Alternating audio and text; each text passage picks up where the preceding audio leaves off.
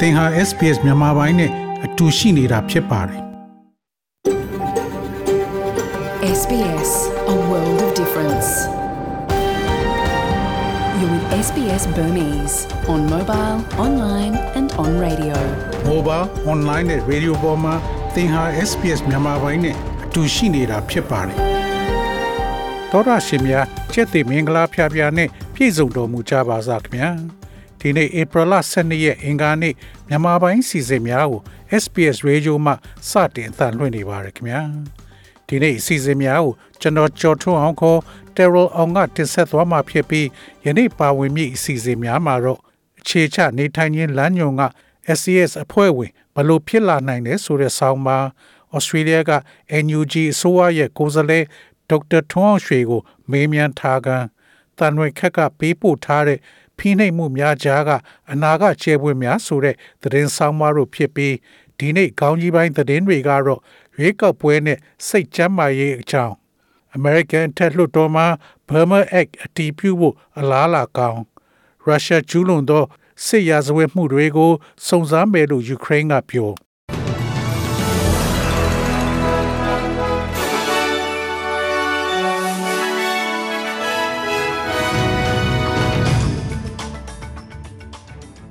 ယခုချိန်ကစပြီးသတင်းများကိုကျွန်တော်ကြော်ထုတ်အောင်ကစတင်ဖတ်ကြားပါတော့မယ်။ရွေးကောက်ပွဲနဲ့စိတ်ကြမ်းမာရေးအကြောင်းတယ်လီကျမ်းမာရေးစိတ်ယောဂဆိုင်ရာတိုင်ပင်ဆွေးနွေးမှုများကိုဈေးသက်သက်သာသာဖြစ်စေရန်အတွက်ဒေသတွင်းနဲ့ကျေးလက်ဒေသဩစတြေးလျနိုင်ငံသားများအတွက်ဒေါ်လာသန်းပေါင်းများစွာတန်သော စိတ်ကျမ်းမာရေးအစီအစဉ်ကို Labor Party ကကြေညာလိုက်ပါတယ်။ COVID-19 ပိတ်ဆို့မှုများအတွင်းအစိုးရမှတယ်လီကျမ်းမာရေးကုသမှုများအတွက်90ရာခိုင်နှုန်းကိုပံ့ပိုးပေးခဲ့တော့လဲအစည်းအဝေးကို အချိန်မတိုင်မီရပ်ဆိုင်းခဲ့တယ်လို့ Labor Party ကပြောကြားပါတယ်။အတိုက်ခံခေါင်းဆောင် Anthony Albanese ကလက်ရှိတွင်ညွန်ပေါင်းအစိုးရဖွဲ့မှကိုက်၍အနိုင်ရထားသောမဲနယ်မြေတစ်ခုအတွက်တိုက်ပွဲဝင်နေချိန်တွင် Tasmania တွင်သတင်းစာရှင်းလင်းပွဲတစ်ခု၌ ဒေါ်လာ31သန်းဖို့ကြေညာခဲ့ပါတယ်။ဒါကအရန်အရေးကြီးတယ်။ကယောဂကာလအတွင်းမှာလူတွေရဲ့စိတ်ချမ်းသာရေးပေါ်အမှန်တကယ်ဖိအားတွေတွေ့ခဲ့ရပါတယ်။ကျွန်ုပ်တို့မှာဤဝန်ဆောင်မှုကို ထားရှိခဲ့တော်လဲနောက်ပိုင်းတွင် Morrison အစိုးရမှဖယ်ရှားခဲ့ပါတယ်။သင်နေထိုင်တဲ့နေရာတိုင်းမှာဝန်ဆောင်မှုများကိုသင်အသုံးပြုခွင့်ရှိကြောင်းသေချာစေရန်လိုအပ်ပါတယ်။ Telehealth ဟာ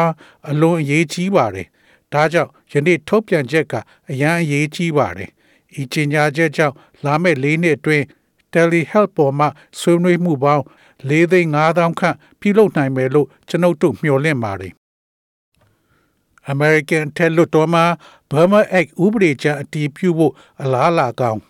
ပြီးခဲ့တဲ့ဧပြီလ6ရက်နေ့ကပြုလုပ်တဲ့ American အောက်လွှတ်တော်အစည်းအဝေးမှာအောက်လွှတ်တော်နိုင်ငံခြားရေးရာကော်မတီဥက္ကဋ္ဌ New York ပြည်နယ်လွှတ်တော်အမတ်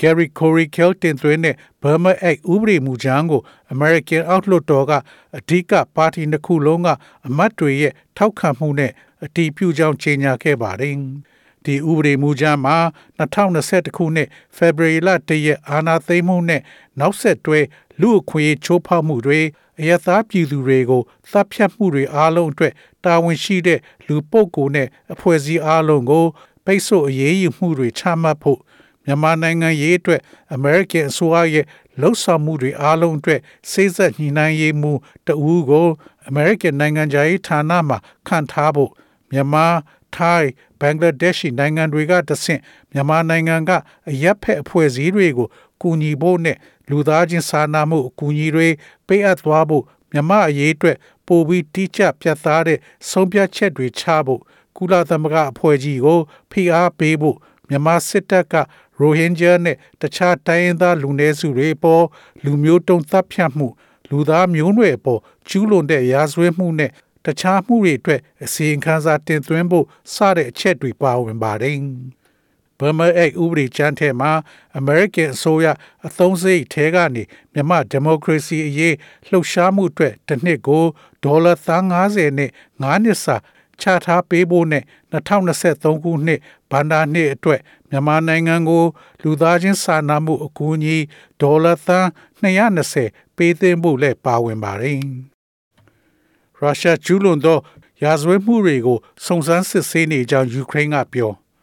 ထောင်ပေါင်းများစွာသောစစ်ရာဇဝတ်မှုများအတွက်သမရဗလာဒီမာပူတင်အပါအဝင်ရုရှားခေါင်းဆောင်900ကိုဆွဆွဲထားသော အပြစ်ရှိနိုင်မှုအပေါ်ယူကရိန်းကစုံစမ်းစစ်ဆေးနေကြောင်းထိပ်တန်းတာဝန်ရှိသူတူကတနင်္ဂနွေနေ့တွင်ပြောကြားပါတယ်။ကီယက်မြို့တော်သို့စနေနေ့ကအာအသစ်စပွဲလာရောက်ခဲ့တဲ့ဗြိတိန်ဝန်ကြီးချုပ်ဘောရစ်ဂျွန်ဆန်အားကျေးဇူးတင်ရှိကြောင်းလည်းယူကရိန်းရှေ့နေချုပ်အီရီနာဘီနီဒိုတိုဘာက British Sky News သတင်းဌာနသို့ပြောခဲ့ပါတယ်။ဂျွန်ဆန်သည်ယူကရိန်းသမ္မတ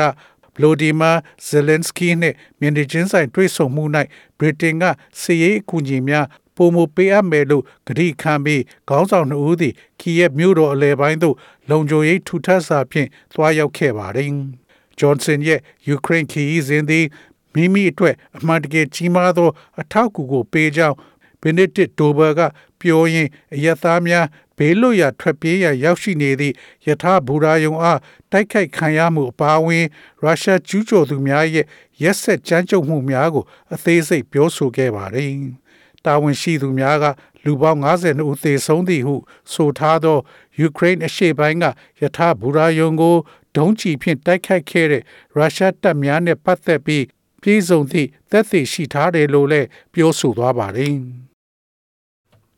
ဝင်ကြီးချုပ်ကဒီရွေးကောက်ပွဲဟာသူ့ရဲ့ပုံကိုယ်ရေးကြော်ကြားမှုမဟုတ်ဘူးလို့ပြောဝင်ကြီးချုပ်စကော့မော်ရဆန်ကဤဖက်ဒရယ်ရွေးကောက်ပွဲဟာ၎င်းရဲ့ပုံကိုယ်ရေးအရထင်ပေါ်ကြော်ကြားမှုနဲ့မပတ်သက်ကြောင်းပြောဆိုပါတယ်မစ္စတာမော်ရဆန်က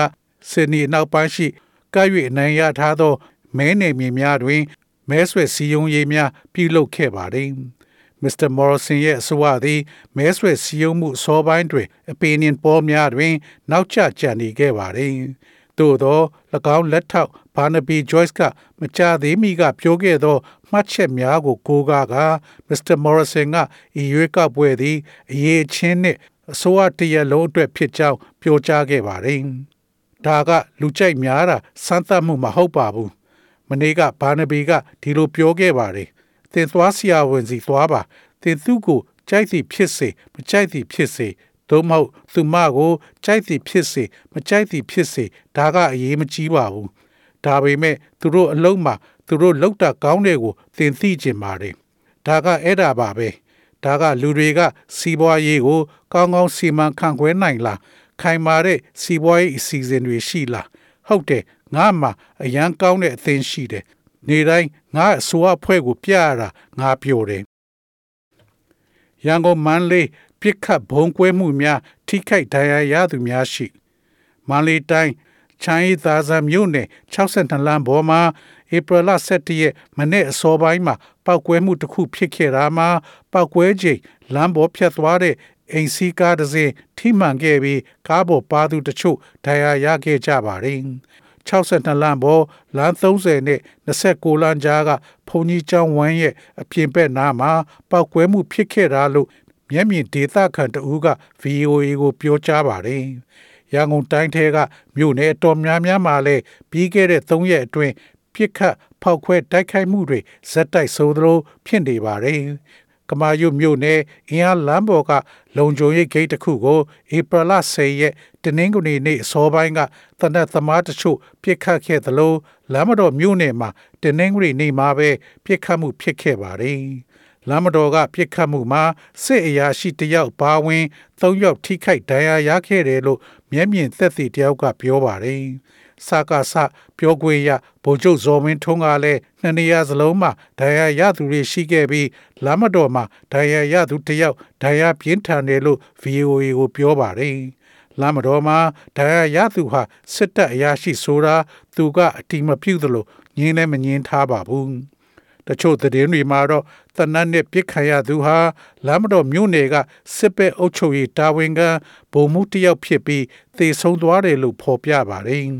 စေအုပ်ချုပ်ရေးမြို့နယ်ဖြစ်တဲ့လှိုင်သာယာမြို့နယ်မှာလည်းတနင်္ဂနွေနေ့ည7:00နာရီလောက်ကတနက်ပြစ်ခတ်မှုတချို့ဖြစ်ခဲ့ပါတယ်။ရန်ကုန် PDF ဖွဲ့ကလှိုင်သာယာမှာတိုက်ခိုက်မှုတွေလုပ်ခဲ့တယ်လို့သူတို့ရဲ့ Facebook လူမှုကွန်ရက်မှာဖော်ပြထားပါတယ်။အလုသမားတွေကိုဖိနှိပ်နေတဲ့လှိုင်းသားရစက်မှုဇုံကစက်ယုံပိုင်ရှင်တွေလာရောက်စုဝေးစားတောက်တဲ့နေရာတွေကိုအဓိကထားလှုပ်ဆောင်ခဲ့တာလို့ပြောဆိုပါတယ်။ ရန်ကုန်ထဲကမြို့နယ်တွေဖြစ်တဲ့တွန်တေးကော်မူရွှေပြည်သာလှိုင်းသားရအင်းစိန်မင်္ဂလာတုံသုံးခွလှိုင်းကမာယုံနဲ့လမ်းမတော်မြို့နယ်တွေမှာဧပြီလ9ရက်တောက်ကြနေ့ကစလို့ပြစ်ခတ်မှုနဲ့ပောက်ကွဲမှုတွေရှိခဲ့တယ်လို့သိရှိရပါတယ်။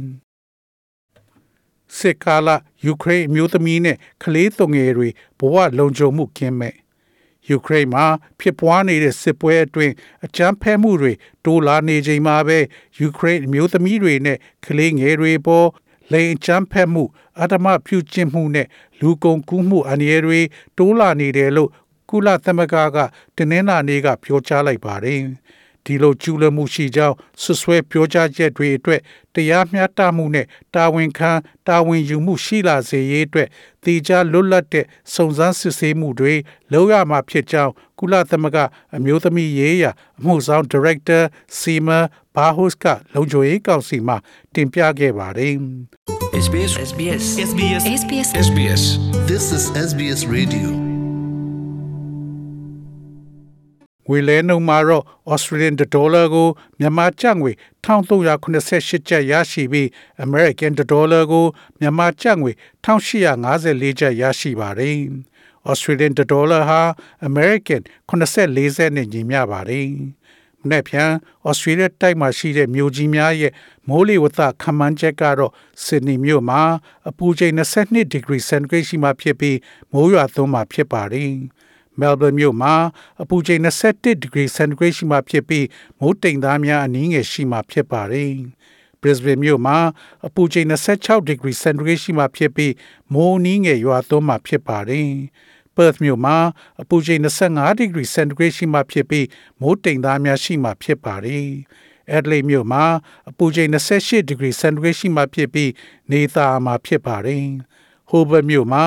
အပူချိန်21ဒီဂရီစင်တီဂရိတ်ရှိမှဖြစ်ပြီးမိုးတိမ်သားများအနည်းငယ်ရှိမှဖြစ်ပါတယ်။ Canberra မြို့မှာအပူချိန်20ဒီဂရီစင်တီဂရိတ်ရှိမှဖြစ်ပြီးမိုးတိမ်သားများအနည်းငယ်ရှိမှဖြစ်ပါတယ်။ဒါဝင်မြို့မှာအပူချိန်34ဒီဂရီစင်တီဂရိတ်ရှိမှဖြစ်ပြီးမိုးတစ်ဖြောက်နှစ်ဖြောက်ရွာသွန်းနိုင်ပါတယ်။ဤတွင်သတင်းများကိုကြီးညာလို့ပြီးပါပြီခင်ဗျာ။။